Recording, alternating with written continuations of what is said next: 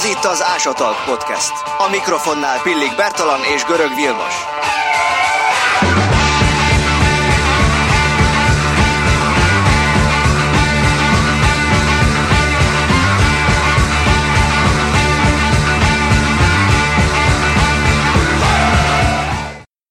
Nagyon sok szeretettel köszöntök mindenkit.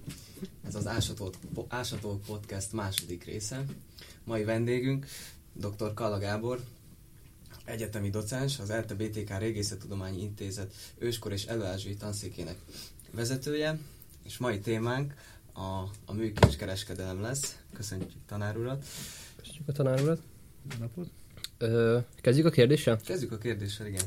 Bemelegítő kérdés, Ö, ami a témához is kapcsolódik amúgy egy picit. Ugye 2017. augusztusában a Bergeni Történeti Múzeumot kirabolták, és a tolvajok nagyságrendileg hány tárgyat vittek el a múzeumból? Erre kérek szépen egy számot. Ez egy jó kérdés.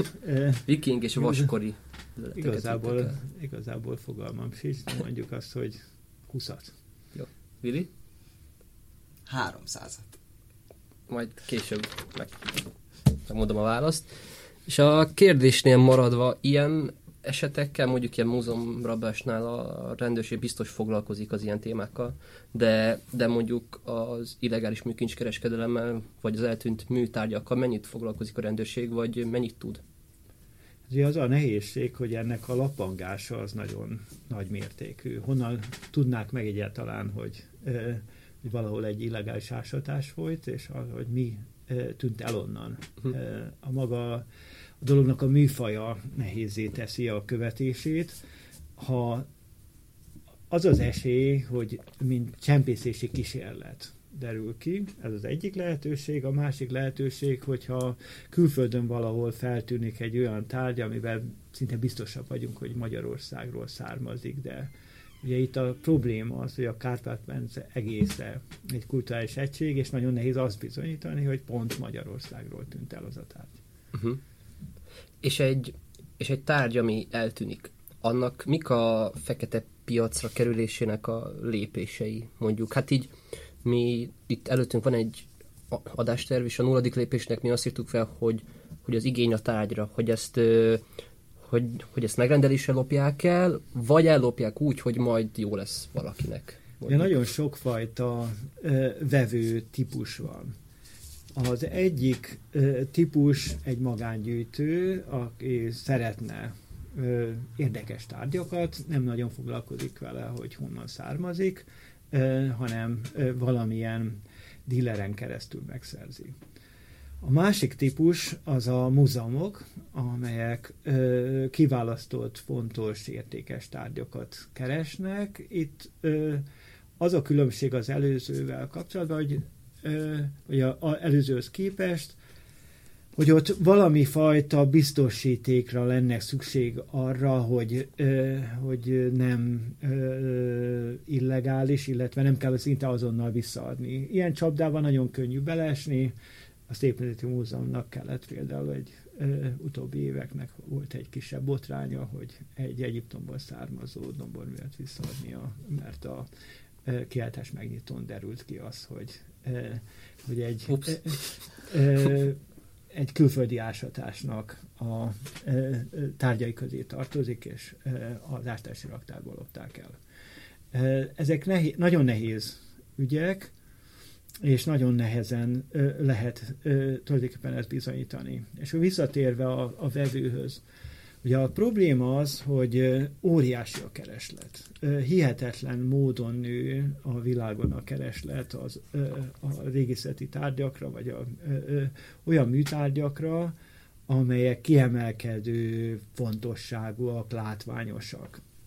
Ennek nagyon sok összetevője van. Az egyik, amikor hát még a 80-as évek gazdasági válsága hozta azt, hogy Amerikában elkezdődött a műkincsekbe való befektetés ehhez való forduló, mert a, az ingatlan nem ment jól, az arany nem ment jól, és sok minden más nem ment jól, ezért jöttek a műkincsek. Ezek együtt húzzák föl az árakat minden területen, de ez nem azt jelenti, hogy ez csak magánemberekről, hanem ö, hihetetlen módon nő a világon a gazdag múzeumoknak a száma.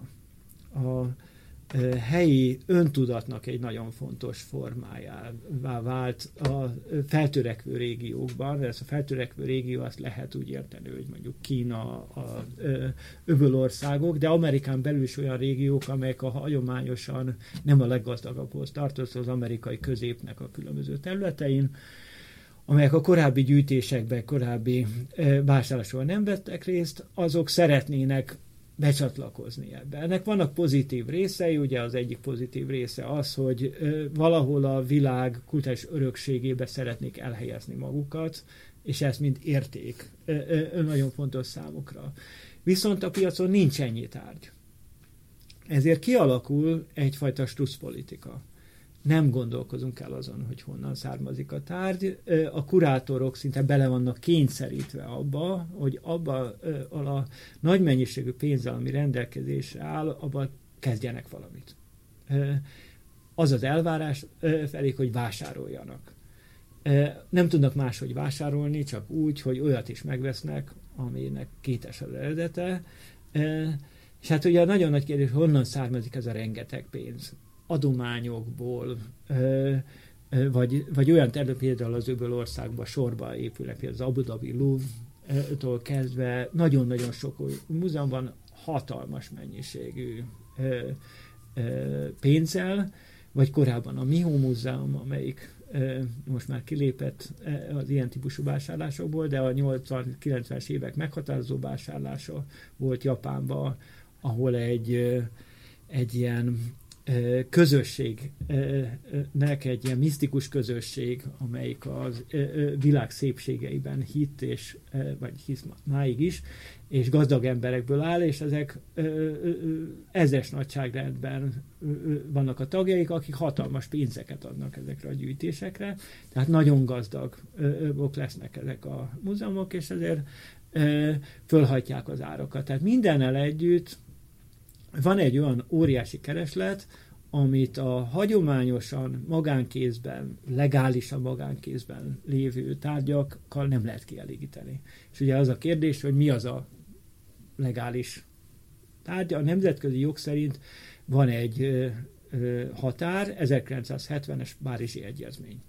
Tehát az 1970-es Párizsi Egyezmény az írja elő, vagy próbálja megakadályozni a, a régészeti tárgyaknak az illegális kereskedelmét. Előtte hiába voltak lokális törvények, a lokális törvényeket a nemzetközi törvények a nemzetközi jog szerint valamire felülírják. Tehát tulajdonképpen mindenki azt szeretné bizonyítani, ami hozzá került, az 1970 előtt került hozzá. Ha így van, ha nincs így. Mondta tanár úr még nekünk egyszer korábban, hogy, hogy a, a, ez alapján, hogy 70 előtti legyen, hogy ilyen régi, régi papírra nyomtatnak ilyen kiállítási katalógusokat, hogy, és ezzel a katalógussal bizonyítják azt, hogy ez már 70 előttben már itt volt nálunk, tehát akkor ez, ez fixen. Ugye a, a megnéz az ember olyan, ugye eznek a, a jellegeből kifolyólag nagyon nehéz a kulisszák mögötti mozgásokat látni, hogy ö, milyen fajta kereskedelem van. Amit látni lehet, azt a ö, aukciós házaknak a, a működéséből lehet, mert az nyilvános katalógusaik vannak, interneten rajta vannak az eladások, stb. Ha az ember olyat olvas, hogy régi európai gyűjteményben, főleg azt, hogy a régi svájci gyűjtemény, szinte biztos, hogy az a fedőszava annak, hogy ez nem így van. A, e, és e, nem minden tárnál lehet ezt jól bizonyítani, de például, hogy az én területem az ékírásos források, ott nagyon gyakran jól látni azt, hogy ezek a táblák, amelyek így forgalomba kerülnek, ezek nem kerülhettek el régen, mert ilyen típusú, vagy ilyen helyről származó anyag nem volt korábban a piacon. Tehát, hogyha új, új helyről származik, új jellegzetességű, akkor szinte biztos, hogy viszonylag újan került a piacra. Na szóval összességében ebben szoktak takarózni, hogy nem, ez egy, ez egy régi gyűjtemény, és ad abszurdum, mint ahogy említette, az is előfordul, hogy egy egy ilyen kis katalóg, régi ilyen kis füzetszerű katalógus nyomtatnak hozzá, hogy ezt bizonyítsák, illetve iparszerűen gyártják a szertifikéteket, azokat, amely honnan szerezték, honnan van az eredete. Erre külön megvan egy, egy ilyen hálózat, amelyik ezeket gyártja. Például Libanon egy olyan hely, ahol ahol ilyeneket csinálnak, például a Szeuzó kincs és libanoni szertifikétel került eladásra. Akkor Libanon ez alapján pályázott a Szeuzó kincse is, mert arról is volt szó, hogy igen. Libanon is meg akarja igen, szerezni magának. Igen, igen. Oh. Wow. Első lépés jön? Vagy az már... Hát szerintem ezeket nagyjából megbeszéltük. Igen. Hát szerintem menjünk rá a, a másodikra is majd, ha még eszünkbe jut valami, Jó. akkor...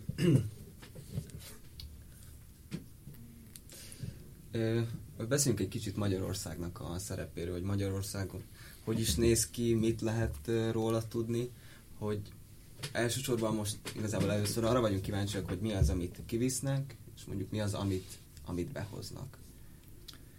Hát a behozatal az, mivel nem, egy, nem a leggazdagabb ország, ugye az eleve a különbség a, a forrásország és a befogadó ország között. Nagyon gyakran ugye éppen az a probléma, hogy ez nem azonos a két ország, vagy a két terület. Egy UNESCO felmérés, a, a 90-es évek egy UNESCO felmérése azt mutatta, hogy érdekesen az aukciós házakban eladott tárgyak és az forrás országok között van egy ilyen érdekes különbség. Tehát általában azt lehet mondani, hogy kevésbé fejlett, szegényebb országok a forrásországok, és a gazdagabb országok azok, amelyek a vásárló országok. Magyarország nagy valószínűsége inkább a vásárlók között van, bár nem tudunk róla, hogy az új gazdag rétegben ez egy divat lett a, a, a műkincs, ez eddig nem derült ki. Amit, amit tudunk, az az, hogy a, az illegális fémkeresős tevékenységből származó tárgyak kerülnek ki nyugatra. És általában ugye tőlünk nyugatabbi országok, a célország, Németország alapvetően talán a leginkább. És mm, amit találnak, vagy, vagy melyik korszak leletéből kerül ki a legtöbb külföldi Magyarországról? Hát ami a internetből látszik, és úgy valamennyire meg lehet ezt ö, ö, ítélni, hát az a bronzok. Tehát a bronzkorból származó bronzdepók, ö, ö, áldozati depóknak az anyaga, hiszen itt, hogyha valaki szerencsés, akkor nagyon sok tárgyat tud egy, egyszerre találni, és ö, részben egységként, vagy, vagy darabonként értékesíteni tudja, és ennek megvan a maga piaca. És a... A ja, bocsánat, még van egy, ugye, a, ami, ami aztán végképp nem követhető, azok az érmek. Tehát ugye a probléma az leginkább az érmekkel van, azok a gyűjtők, akik érmet gyűjtenek, azoknak tudniuk kellene, hogy korlátozott a annak a száma, hogy mennyi, milyen mennyiség mondjuk római érem van a piacon, és ugye nagyon nehéz megmondani, hogy a Róma melyik területéről származik. Származnak ezek az érmek, és ez a legkönnyebben és a legbiztonságosabban eladható, mert ennek a visszakövethetősége nagyon gyenge. És a magángyűjtők Magyarországon mennyire kaphatók arra, hogy, hogy mondjuk a náluk lévő leleteket kölcsön adják tudományos munkára, vagy ők mennyire kooperálnak? Van, aki igen, van, aki igen. Nehézé teszi a régész munkáját, tulajdonképpen a régészetben is kell egyfajta ö, szemléletváltás. Ö, a szemléletváltásnak az lenne a lényege, hogy együttműködni, kicsit fehéríteni, az egész különbséget tenni az a között, akik mondjuk nem rombolással szerzik, hanem simán telebejáráson találják a, a tárgyakat, és információkat szerezni tőlük, de hát ugye tudjuk régészként, hogy a tárgyak nagy részének a igazi értéke nem csak önmagában van, hanem abban a kontextusban, amiben találjuk. Tehát, hogyha az a kontextus megsemmisül, nincs információ róla, akkor igen nehéz uh-huh. tudományos értéket tulajdonítani neki. Talán esetenként olyan, amiből nagyon sokat ismerünk, egyel több annál, uh-huh. mint amit eddig tudtunk. Persze mindig vannak kiemelkedő tárgyak. És a magyar állam mennyire tartja fontosnak azt, hogy a különböző bizonyíthatóan elhurcolt és külföldön adott műkincseket azt visszavásárolja, nyilvánvalóan a, a szeuzó kincsre. Hát a szeuzó kincs az egy kivétel, mert ö, sokkal jobban szembetűnő. Hogyha nem lett volna annak a szeuzó tálnak az a perzó felirata, amelyik felhívja a figyelmet, hogy Balatonról van szó, valószínűleg még az ötletre se jutott volna senki, hogy ez Magyarországgal kapcsolatos. És nagyon nehezen lehet, nem csak a bizonyítás nehéz, mert mégis nem sikerült bizonyítani, tehát az a fajta amerikai jog, amelyik bizonyításként tudományos érveket nem fogad el, csak a tanukat fogadja el, azzal nehéz bármit is bizonyítani, de valószínűleg nem, nem sikerült volna, vagy nem is, nem is hívta volna fel a figyelmet a dologra. Ugye Szilágyi János György az látta meg először ezt a feliratot a Szépművész Múzeumnak a klasszika archeológiával foglalkozó nemzetközi hírű professzor, aki már nem él. Ő hívta fel a figyelmet a tárgyra, és, vagy a tárgy együttesre, és így került be a köztudatba de az nagyon ritka, hogy valamilyen tárgyról egyértelműen kiderüljön az, hogy Magyarországról származik, a mai Magyarországról, hiszen a történeti Magyarország, mint tudjuk, sokkal nagyobb, és annak a bizonyítása, ugye, hogy ugye ez a mai Magyarország területéről származik, az rendkívül nehéz. És ugye azt, hogy mennyire foglalkozik ezzel a, a magyar politika, nehéz, tehát ö, én nem hibáztatnám ebből a szempontból, politika nagyon nehéz, nehéz lenne, tehát hogyha mondjuk most ö, célul tűznék ki, hogy mindent visszaszerzünk, az esélyeink nagyon keves, ö, nagyon alacsonyak lennének. És még itt Magyarországnál maradva a tanárurat, a tanárulnak van egy története, amikor a tanulat felkérték igazságügyi szakértőnek a rendőrség, mert egy, egy török kamionosnál találtak régészeti le, le, le, le, leleteket.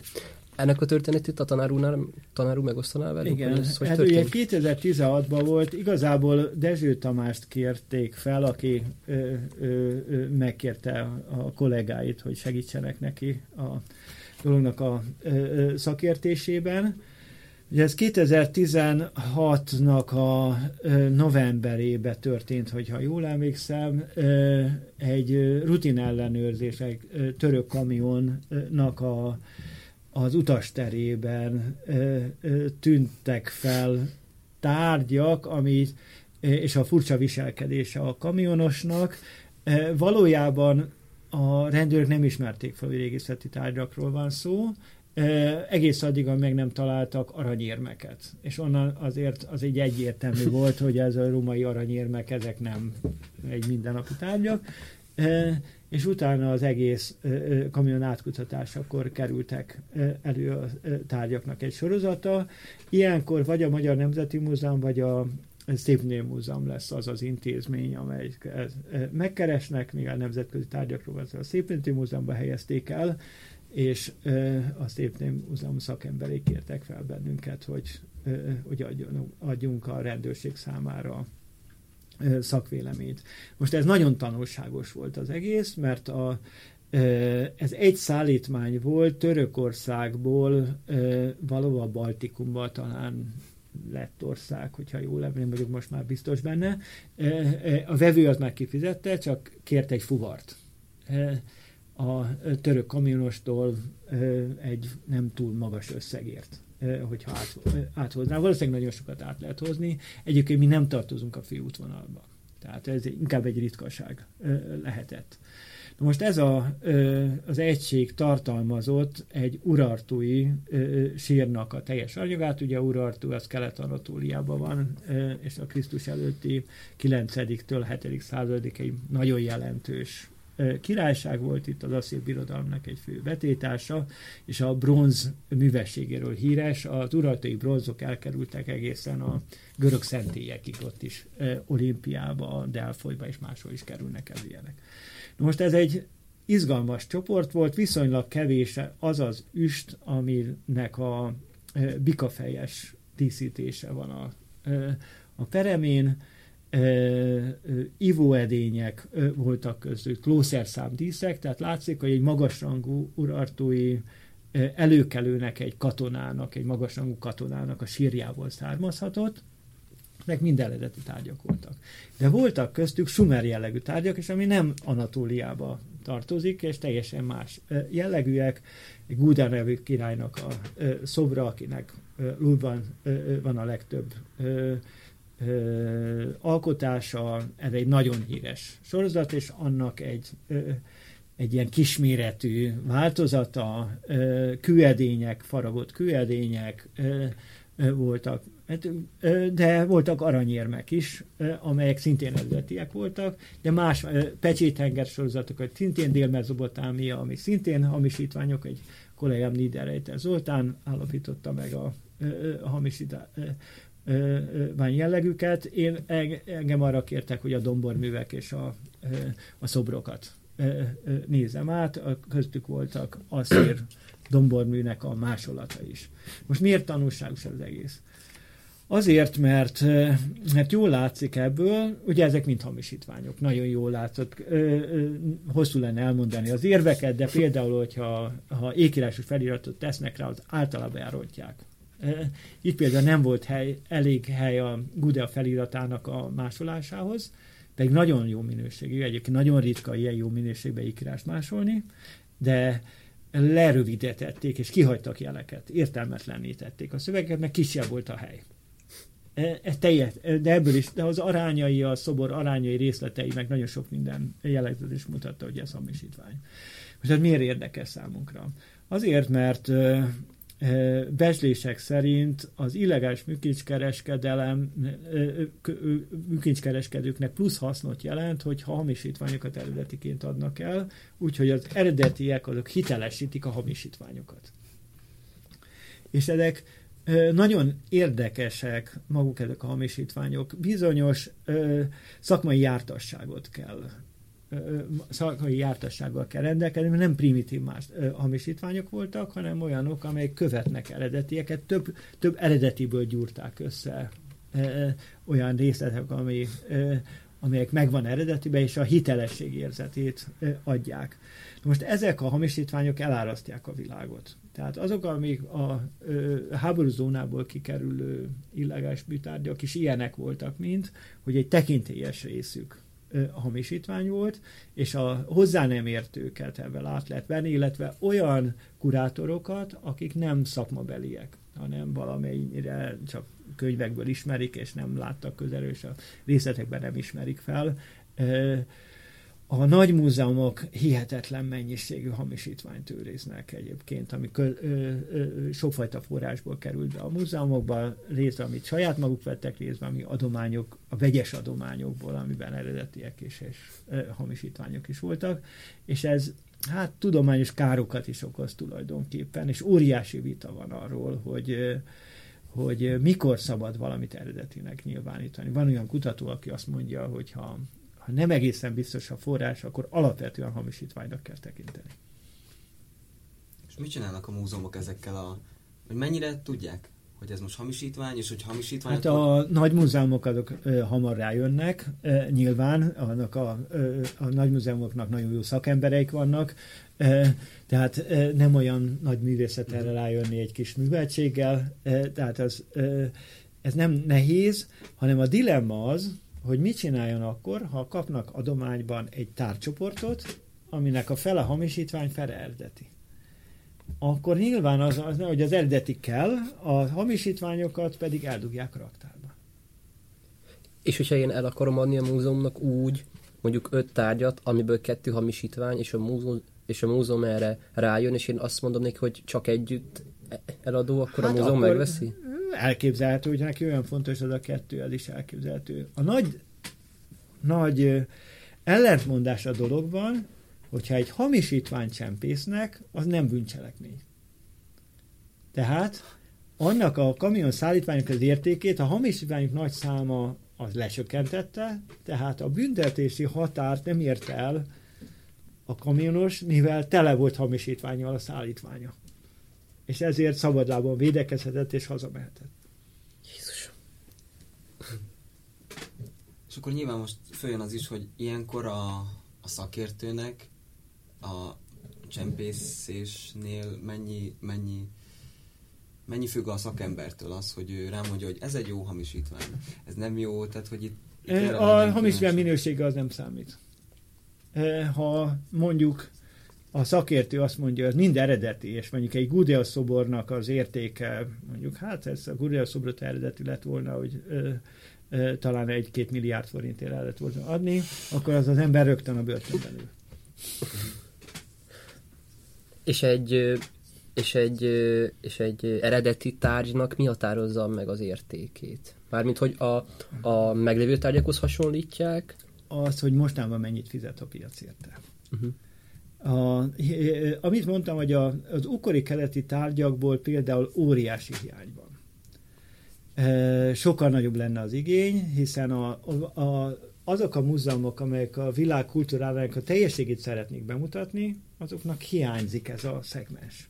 Viszont nagyon nehéz igazából ö, ö, nagy presztízsel rendelkező tárgyakat beszerezni, mert már kimentek a forgalomból, már a ö, nagy múzeumok őrzik, magánemberek már alig, ö, legális tárgyakat már alig őrznek. Hogy ez milyen, ö, meddig megy el, az azt mutatja, hogy van egy ö, ö, pár évvel ezelőtt úgynevezett Gvenol oroszlán, egy ilyen kicsi 8,8 cm-es kis faragvány, amit hihetetlen áron e, 8 milliárd forintnak megfelelő áron adták el. És ez, ez egy teljesen legális, ez már nagyon régóta ismert, e, e, albumokban benne van, összefoglaló könyvekben benne van. Ugyanígy az asszír domborműveknek az ára is hihetetlenül magas, és ezek, a, ezek az árak, ezek nagyon jól mutatják a, azok a az aukciós házaknak, hogy mit érnek el ár. Nagyon gyakran az ókori keleti tárgya becsült árnak az 5-6, sokszor tízszeresét is el lehet érni a végtől leütött ár. Mert olyan mértékű a hiány. Római tárgyakban nincs hiány. Tehát, hogyha én például vásárló lennék, én először, előbb vásárolnék, egy, mondjuk egy gyűjtő lennék, és, és legális gyűjteményt szeretnék, én sokkal előbb vásárolnék. Hiába vagyok okori kelettel foglalkozó, egy római márványszobrot, amelyek viszont alul értékeltek. Mert, mert a gyűjteményekben van, nem olyan nehéz megvásárolni hm. őket, tehát egy ilyen kis ö, faragványnak az árából, mezőtelen faragvány árából akár tíz római márványszobrot is lehet venni. Tehát a, a kereslet kínálat törvényei ezt is meghatározzák, és az, hogy hogy különböző régiókban szeretnének hát nem elérni a British Múzeum vagy a Louvre-nak a, a gyűjteményi minőségét, legalább megközelíteni, vagy azt az érzést adni, hogy itt a világ minden nagy kultúrájából lehet, van valami, ez óriási mértékben fölhajtja az árakat. Hm. És a, most egy picit, ö, tehát a múzeumok és a szakemberek szerepe, hogy a múzeumok milyen, mennyire szívesen vesznek olyan tárgyakat, mondjuk itt most az etikus részre gondolok, hogy, hogy mennyire szívesen vesznek olyan tárgyakat, amik akikhez tudják mondjuk, hogy vértapad, vagy valami hasonló. Én, én itt példának az Egyesült Államoknak azt a politikai lépését, hogy, ter, hogy terroristákkal nem tárgyalunk elve alapján, a, múz, a múzeumok nem mondhatnák azt, hogy hogy ilyen piszkos tárgyakat nem veszünk, mert hát tudjuk, a szakma, hogy honnan jön. A szakma az, ö, nagyon nagy vita van a szakmában, és a szakmának a nagy része, tehát az ókori keleti régészettel foglalkozók nagy része ellenzi, egy konferencián nem lehet föllépni olyan tárgyról szóló cikkel, vagy egy előadással, amelyik egy bizonytalan eredetű tárgyról szól. Ez tiltott. Egyébként is vannak ilyen önkéntes csatlakozás egy mozgalomhoz, hogy még csak meg se határoz az ember ilyen tárgyat. Tehát jön valaki, azt mondja, hogy nem, nem határozunk meg. A nehéz dolog az, az a szakmai érdeklődés. Tehát ugye nehéz megmondani azt, hogyha valaki az ember összetalálkozik, és mondjuk egy hihetetlen történeti fontosságú darabot odavisznek neki, és azt mondják, nem, én nem. Nyilván egy kutatónak is van, vannak gyenge pontjai, és ez éppen a szakmai, hogy is mondjam, a szakmai kíváncsiság, és az ékírásos tárgyakban óriási viták vannak arról, hogy mit csináljunk ebben. Ugye ez a túsz helyzet, hogy ha már egyszer kiásták illegálisan, és eljutott, akkor akkor van, aki azt mondja, hogy cenzúrát kiállt, hogy az nem lehet cenzúrázni a tudományos szabadságot, hogy ezt, ezt ne publikálják. A, és ezzel óriási viták dúlnak, hogy, hogy egyáltalán szabad-e kapcsolatba lépni olyan múzeummal, amivel tudjuk, hogy a teljes múzeum, például a Skoyan gyűjtemény Norvégiában szinte a teljes gyűjtemény illegális tárgyakon alapul egy óriási olajmilliárdos által alapított gyűjtemény, hatalmas mennyiségű ékírásos tárgyat gyűjtöttek föl, amiben vannak legálisan megvett, és általában a legálisan megvett tárgyakat akaróznak. De nagyon sok gyűjteménynek vissza kell adni. Vannak ilyen történetek, a visszaadási történetek, de visszatérve az eredeti kérdésre, Ugye a maga a szakember nélkül nem működik ez az egész piac, hiszen valakinek eredetiséget kell igazolnia, meg kell határoznia, hogy körülbelül milyen korú, milyen, mi a funkciója a tárgynak, és ö, írásos szöveges esetében egy fordítást kell adni, hiszen óriási a ö, különbség, hogy egyszerű mindennapi gazdasági fejezésről van szó, vagy történetileg érdekes, vagy netán irodalmilag érdekes ö, ö, tárgyról van szó. Ugye mondjuk egy ekkora tábla töredék, hogyha az a Gilgamesh Epos első sorait tartalmaz, ami még nincs meg teljesen rengeteg töredékünk van, de az első sor eredeti táblán még nincsenek teljesen.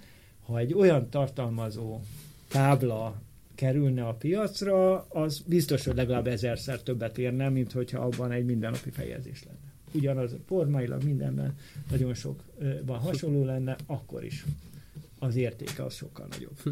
Tehát ezt az értéket kizárólag a szakértői beslések tudják megadni, és hát nagyon nagy a dilemma, mert ö, hát van olyan kollega, ö, kollega, aki, aki a fél életében foglalkozott, egy nagy névnek örvendő ö, angol professzor, mindenki tudja, hogy az ő.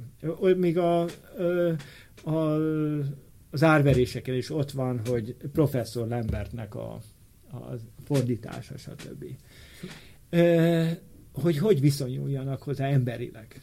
Mivel egy akkora szaktekintéről van szó, nagyon nehéz azt mondani, hogy akkor megszakítják el a kapcsolatot, vagy kiközösítik, uh-huh. vagy... Tehát ez nem történt meg soha. Nem tudom, ha valaki frissen lépne be ebbe a piacra, akkor ez megtörténne ugyanígy, vagy a tolerancia az lehetne. De minden esetre azt kell mondani, hogy, hogy ebben is plusz politika érvényesül nagyon nehéz egyedileg ezt, ezt, ezt, ezt valahogy kordában tartani. És ugye nagyon sok embernek a félőes tevékenységről nem tudunk semmit. Tehát akkor, amikor nem kerül nyilvánosságra a név, nem tudjuk ki határozta meg, és azt se tudjuk, hogy egyáltalán az a tárgy az piacon van.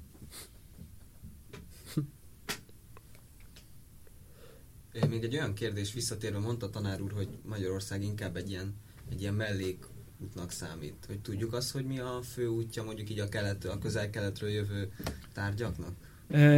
A fő útja, van egy nagyon érdekes történet. Ez az úgynevezett hobby lobby történet, Hobby Lobby az egy, ez egy barkás cég Amerikában, és a Green családnak a birtokában, ez egy milliárdos család, amelyik elhatározta, hogy bibliai érdeklődésből, vallásos érdeklődésből egy Biblia múzeumot alapít. Ebbe a Biblia múzeumot, hát vettek tóratekelsektől kezdve minden, de hogy legyen valamilyen okori keleti is tárgy, vásároltak tízezer ékírásos tárgyat, amit hát maga ez pár évvel ezelőtt történt, hogy tízezer tárgyat így be lehetett szerezni ugye a piacon. Izraeli és öbölországbeli kereskedők állították össze, és úgy érkezett Amerikába, mint, mint csempeszállítmány Törökországon keresztül. Na most ez egy érdekes naivitással ezt ki is állították, ez nyilvánosságra tették, és abban a pillanatban helyi szakemberek rögtön tiltakoztak, és kiderült az egész. Tulajdonképpen nem is volt magas ára, mert 10.000 tábláért 3 millió dollár az nem egy nagyon magas ár. A,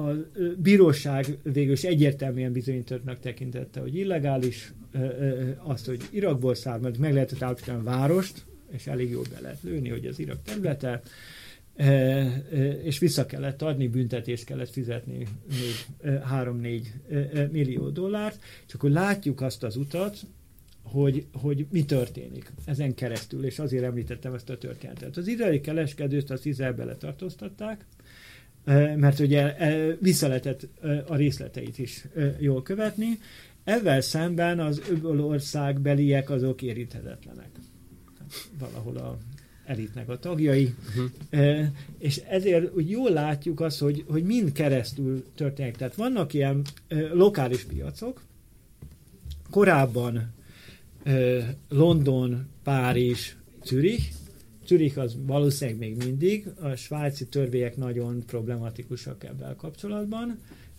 Zürich egyébként az, az Olaszországból származó antik tárgyaknak a legnagyobb ilyen ilyen színpad, forgó színpada.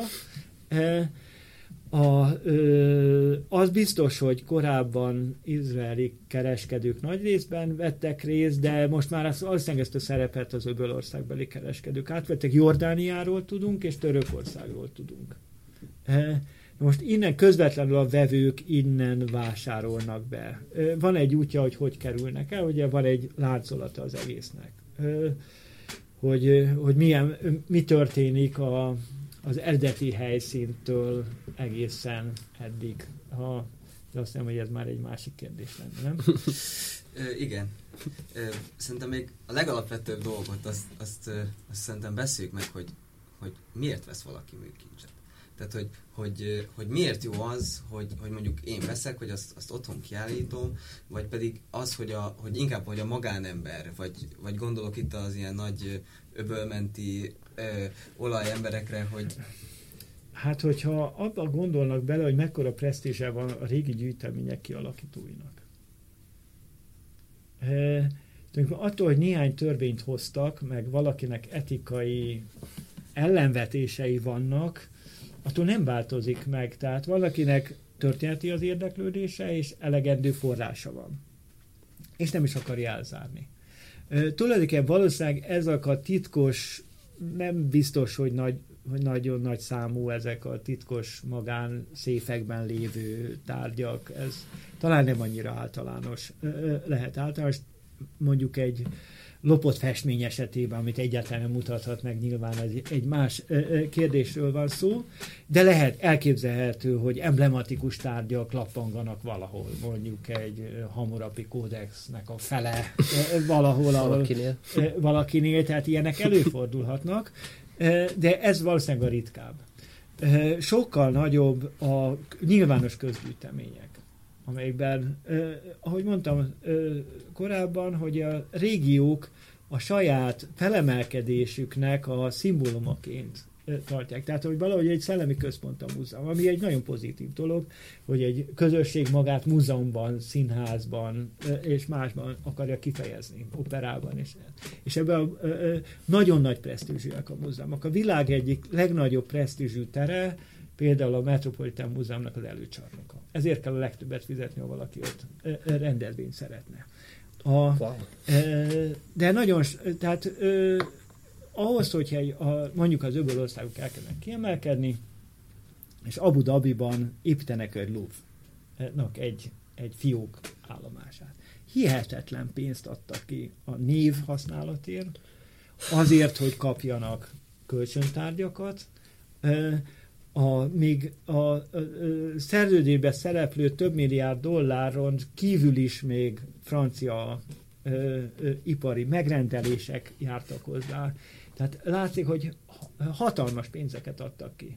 Egy ö, abszolút ö, ö, ilyenkor az, ezek az új múzeumok a sztárépítészek építik. Ö, a Pej nevezetű építész, aki aki sok ilyen látványos dolgot tervezett többek között a Louvre-nak a piramisát is. És ez egy, egy nagyon szép alkotások, maguk, mint építészetek nagyon szép alkotások, és ezeket valahogy meg kell telíteni. Tehát nagyon gyakran az a furcsa, hogy régebben gyűltek a tárgyak, és úgy kezd, kibánták a teret. Most készülnek a múzeumok, és kívánják a tárgyakat. Uh-huh. Mert meg kell valahogy tölteni ezeket a múzeumokat. És az ember azt gondolná, hogy egy ilyen presztízs múzeum, hát több százezer látogatója volt már. E, tehát, e, tehát nagyon nagy érdeklődés van e, ezek iránt, és, és a, valahol a háttérben biztosan ott van vásárlóként, mert tudjuk, hogy milliárdos nagyságrendű dollár áll rendelkezésre a vásárlásra de hogy mennyi ilyen van még, mennyi van előkészületben, azt nagyon-nagyon nehéz megmondani. Tehát én azt mondanám, hogy az inkább az a mítosz, ez a szekrénybe vásárló, az a, az a urbános legenda. De a valóság az a, ezek a gyűjtemények, és nagyon sok gyűjteménynek van egy ilyen támogatói köre. Például Louvre-nak van az Ami de Louvre, a Louvre-nak a barátai, és követhető egyébként a katalógusán keresztül, az internetes katalógusán keresztül, a, hogy hogy kerülnek be új tárgyak a louvre és általában az Amidou louvre keresztül, ami jogilag mentesíti a, Louvre, a felelősség alá. És ez az Abu Dhabi Louvre, ez a Párizsi Louvre-nak a testvérmúzeuma? Egy testvérmúzeuma, egy szerződés szerint ö, rendszeresen ö, biztosítanak ö, kölcsöntárgyakat, és hát a maga a Louvre kifejezés, maga mint uh-huh. brand, uh-huh. ennek a használati jogát, és és hát vannak új tárgyak is, de van rengeteg olyan, amit, amit időszakosan a, a Louvre-ba kapnak. Uh-huh. És világ viszonylatban, mm, ugye most a közelkeleti tárgyakról beszéltünk elsős, elsősorban, de mi a mi a sláger, hogy mire van leginkább kereslet? Hát az árak alapján a közel-keleti tárgyak. Uh-huh. Mezopotámi tárgyak azok nagyon magasan szerepelnek, az egyiptomi tárgyak is jó szerepelnek, a, a mexikóiak, perújak, tehát az Amerikán belül ugye ez egy, hát főleg ezek a nagyon szép kerámia, díszkerámia, szőtesek, stb.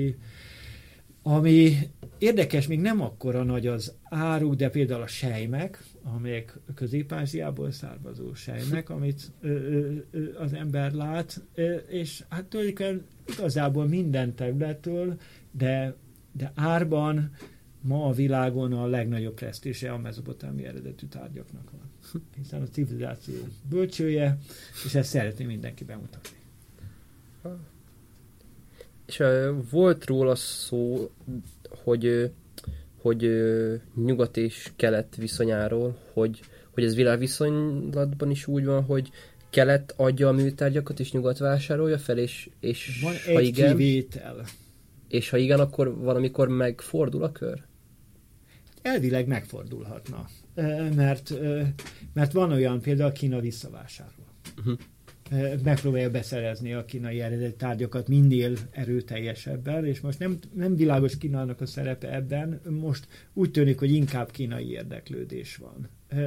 Az oroszok ilyen fekete ló, mert azt lehet, tud, az, azt lehet tudni, hogy a festményvásárlásban az anonim orosz gyűjtő az egy tehát a legnagyobb, utóbbi évek legnagyobb leütései nek egy részét azt névtelen orosz gyűjtő höz került, hogy a, hát ugye lehet kérni a árverésen, hogy ne legyen Mhm. nyilvános a neve valakinek. A, nem tudjuk, hogy, hogy más tárgy típusokban mennyire ö, aktívan az olasz milliárdosok mennyire aktívan vesznek részt, még ez, ez úgy azon a területen, amit én figyelek, azon nem nagyon látszik ez a ö, részvétel.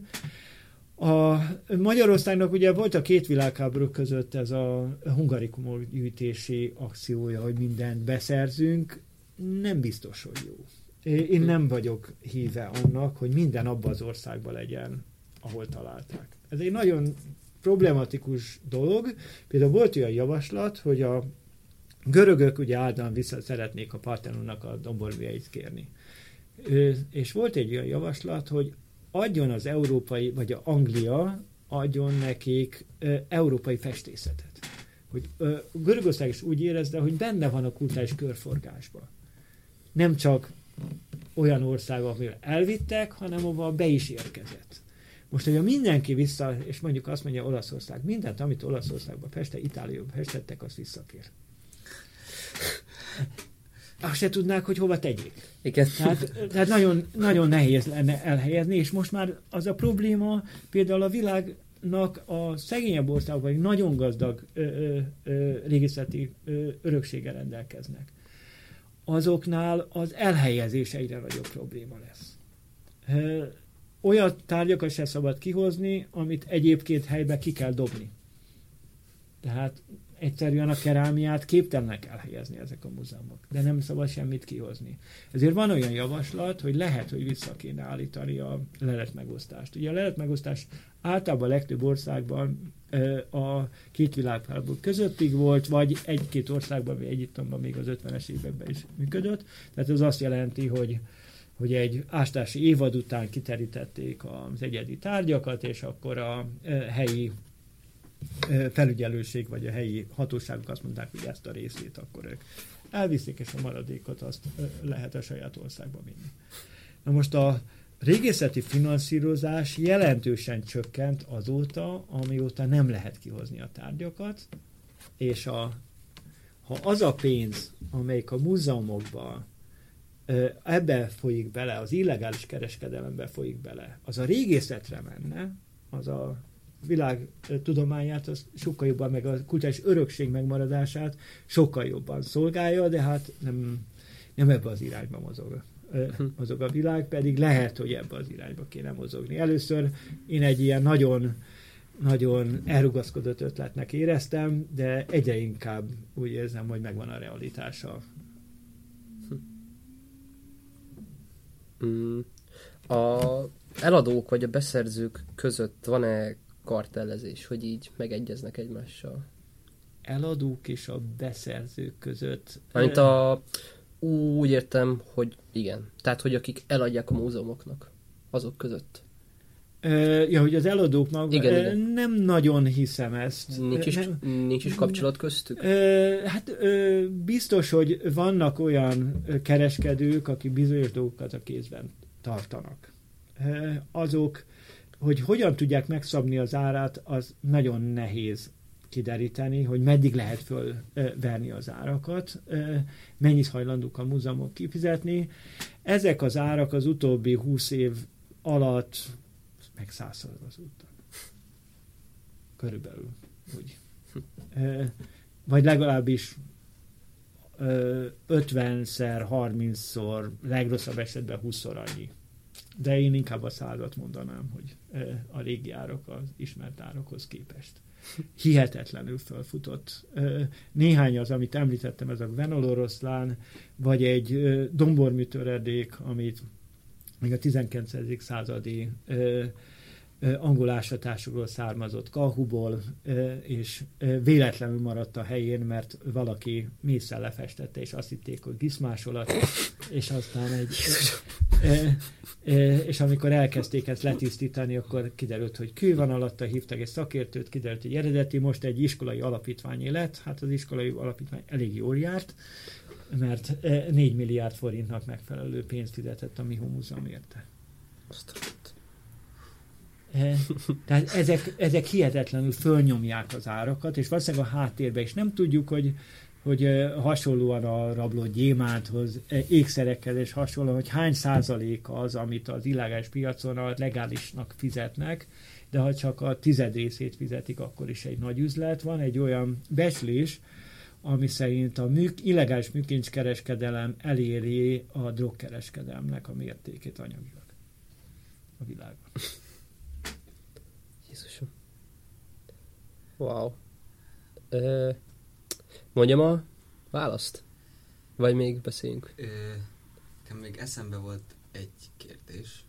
Elfelejtettem, úgyhogy szerintem Addig hát a- választ, igen. Hát tudod, 400 darabot vittek el a betörők, de úgy, hogy, hogy azt, az volt a cikkben, hogy két augusztus, augusztus 11 és 13 között rabolták ki, és a hetedikre felmásztak, és egy ablakot törtek be, és kétszer is bejelzett a riasztó, de a biztonsági őrök nem vettek észre semmit.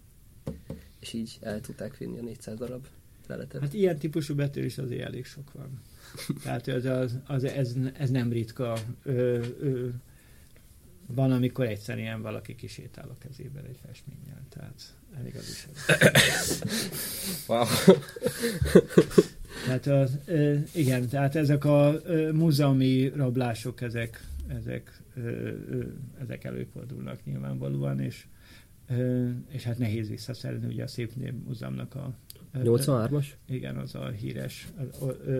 Akkor is az történt, hogy, hogy a,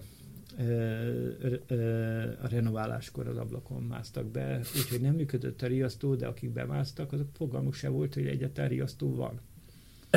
Tehát tök véletlenül sikerült, és valahol, ugye ezt mutatja, annak a története nagyon jól mutatja, hogy olyan helyeken, ahol föl vannak elkészülve, tulajdonképpen szerencséje van Magyarországnak, hogy az Görögországba került. Mert a görög rendőrségnek van tapasztalata abban, hogy hogy kell háttérdílt folytatni.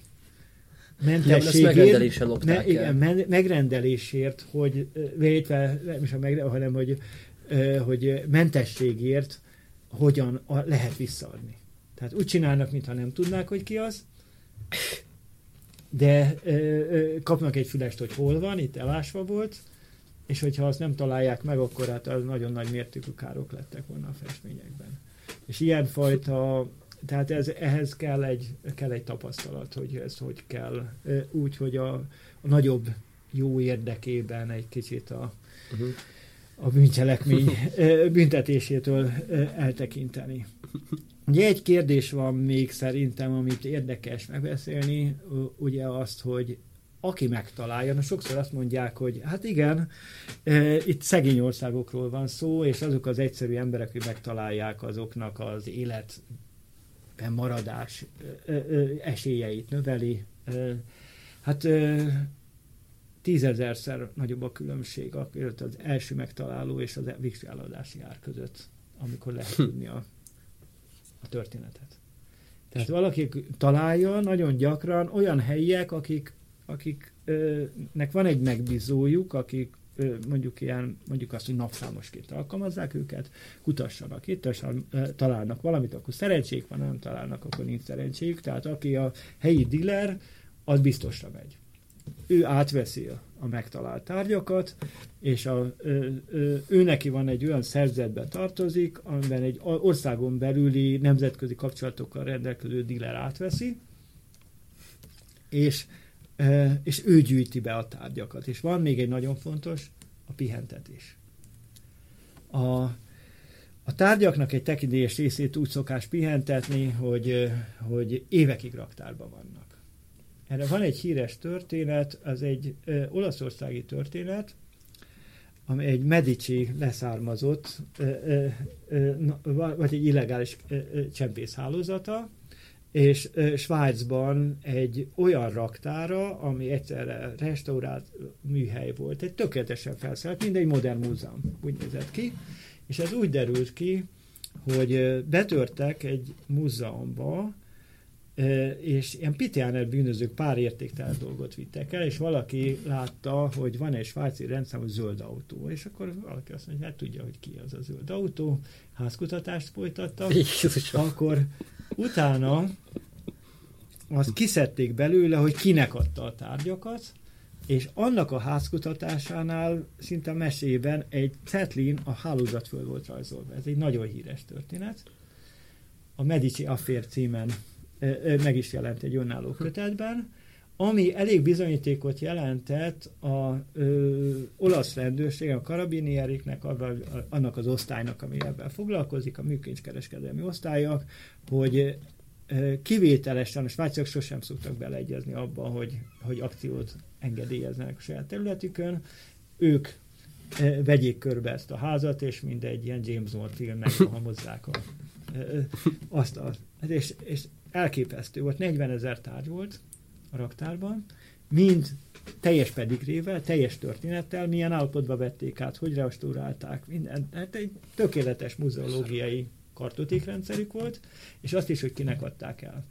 Ennek a következményeképp a ö, ö, több száz tárgyat kellett a Metropolitan Múzeumnak visszaadni, ö, köztük ö, néhány óriási botrány kiváltó vörös alakos vázát, vagy teljesen az Eufronios nevű vázapestőnek egy teljesen egyedi vázáját, ami, ami egy óriási vita volt, hogy korábban nem sikerült visszaszerzni, itt már bizonyítékok elegendők voltak ahhoz, hogy vissza kelljen. És akkor egy tárgya kiásásától az eladóig három-négy kézen megy keresztül? Igen, igen, és utána vannak ezek a raktárok, ahonnan a kereslet. Tehát, hogy a kereslet kínálat nem úgy megy, hogy valaki azt mondja, hogy ássál nekem ezt ki. Uh-huh. Mert az ugye régészként tudjuk, az egy elég bizonytalan. Igen. Viszont ha valaki már ott van egy raktárban, akkor, meg lehet, akkor lehet megbízásokat adni, illetve érdeklődni lehet. Például ennek a, az említett Eufranis vázának a helyét azért tudjuk, mert a Tombalórének, a a sírrablónak az egy külön foglalkozás, ugye. Olaszországban annak megmondták azt, hogy mennyi volt a végső ár, és azt mondta, rájött, hogy átverték. Olyan dühös lett, hogy az egész történetet átmesélt. És, és most pontosan lehet tudni a sírt is, hogy pontosan melyik sírból került elő. De ez mondjuk ez, egy, ez az eseti ritka, amikor így visszakövethető. Szerintem végeztünk, nem? Eszedbe jutott, Fili, a kérdés, hogy... Ö, igen, mennyi időnk van még? Van még időnk? Szerintem még van, egy öt perc körülbelül. Mm. Akkor így beszéltünk a, a, a Parthenon domborművek kapcsán, hogy azok az országok, ahonnan a, régebben kivitték ezeket a, a különböző tárgyakat, akár Egyiptom vagy a közel-keleti államok, hogy ők most mennyire próbálnak meg ez ellen tenni? Hát ugye ez egy jogi kérdés. Az akkori jogi viszonyoktól függ. Tehát, hogyha vannak olyan tárgyak, amit az akkori törvények szerint legálisan lehetett kivinni, akkor itt nincs túlságosan sok vita. Van egy ugye, egy ilyen elképzelés, ezek is urbánus legendák, hogy a nyugatiak odajöttek, összecsomagolták, elvitték. A Parthenon domborműveknek a leszedésére szultáni engedélyük volt, akkor az volt a legmagasabb, legmagasabb fórum, és megkapták a hivatalos engedélyt. Tehát itt nem nagyon lehet vitatkozni, ráadásul erkölcsileg is azért nehéz, mert nagyon gyakran ahonnan ö, származtak, ö, például muszlim országokba a képábrázolási tilalom miatt előkerült mondjuk egy asszír dombormű, abban a pillanatban elpusztították. Tehát tudunk egy nagyon sok esetről, amikor Európait értesítik, hogy előkerül valami nagyon érdekes dolog, mire oda megy, már nincs meg. A, Na most ezekben az, például a Parthenon esetében ugyanebben az időszakban, mondjuk az 1810-es években Peloponnézoszon márványt égetnek, messzet égetnek márványból, márványszobrokból. Egyiptomban a vasútnak a kezdetein mumiával fűtenek a vonaton. A, vagy a mozdonyokban. A, ahhoz, hogy ezek a kultúrák rájöjjenek, hogy ez érték, az idő kellett eltelni.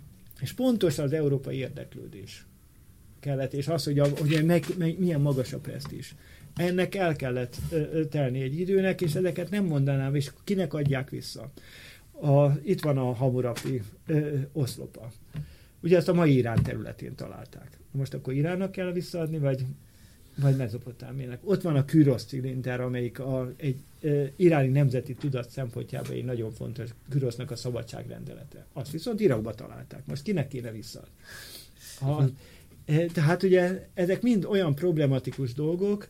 Én azt mondanám, hogy ha az akkori törvények szerint e, jogos volt, akkor nem lenne érdemes, mert a, igazából minden bizonytalan lenne a világban.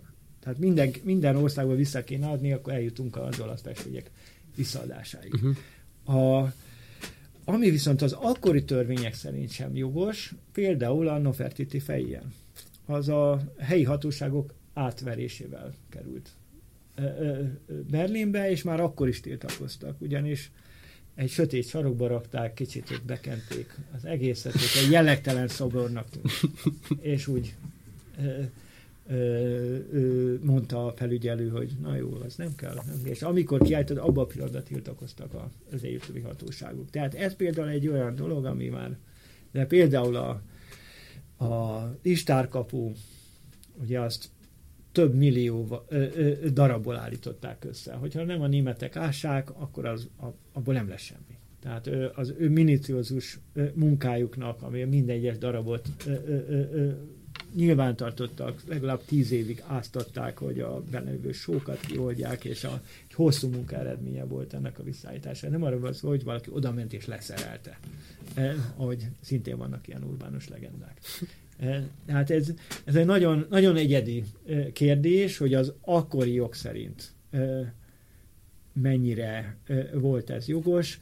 Nyilvánvalóan, hogyha valamilyen tárgy emblematikus fontosságú egy ország számára, akkor lehet egyedi döntéssel, mint ahogy mondjuk a korvinákat mi török államtól visszakaptuk.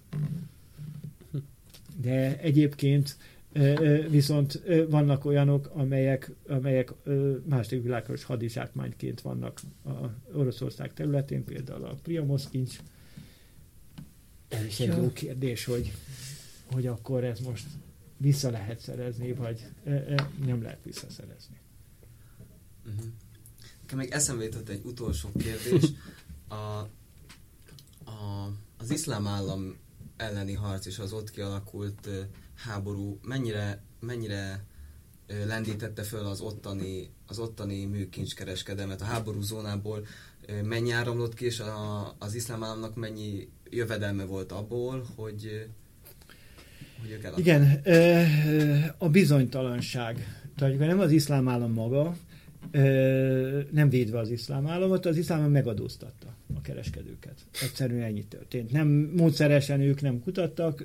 Ugye volt egy kestőség az iszlám államnak a tevékenységében, egy látványos pusztítás néhány esetben, és más esetben viszont a megadóztatás a jövedelmeknek. Azt lehet tudni, hogy Raqqa provinciából egy év adó az annyi volt, mint a Moszuli banknak kifosztása, amikor kifosztották a Moszuli bankot, olyan 500 millió körül.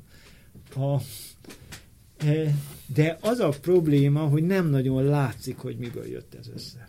Tehát ez a furcsaság az egészben. E, egy e, komandos akcióval amerikák elfogtak egy embert, aki ISIS tisztviselőt, akinek ez volt, ebben foglalkozott. És a laptopjáról mutattak képeket. Hát azok mind jellegtelen tárgyak voltak. Egyébként a telbiai ásatású is voltak. Megismertem a, a múzeumi jelzetet, ahogy Szíriában ástam. Tehát, de nem voltak nagyon, nem voltak emblematikus tárgyak. És ez azért furcsa, mert az illegális ásatások, ami a bizonytalanságon alapult, nem az, hogy valaki szervezi, hanem az, hogy nincsen, nincsen ellentartó erő. Irakban és Szíriában hát több ezerszer nagyobb felületen ástak, mint az európai, vagy valaha is az ásatások. A, most az az egyik furcsa, hogy nagyon kevés ehhez képest az emblematikus tárgy. Történetileg nagyon fontos tárgy ez azt mutathatja, hogy itt még sok minden lappang. Van olyan, hát ez nem is urbánis legenda, mert egy francia régész azt mondta, hogy volt egy svájci raktárban, amiben, mintha Louvre-nak a raktárába járt volna. Egy ö, olyan, ami illegális svájci raktárban egyszer elvitték. És bekötött szemmel klasszikus, nem Jézus. tudja hol van, hogy hát vannak ilyen történetek, hogy, hogy léteznek ezek.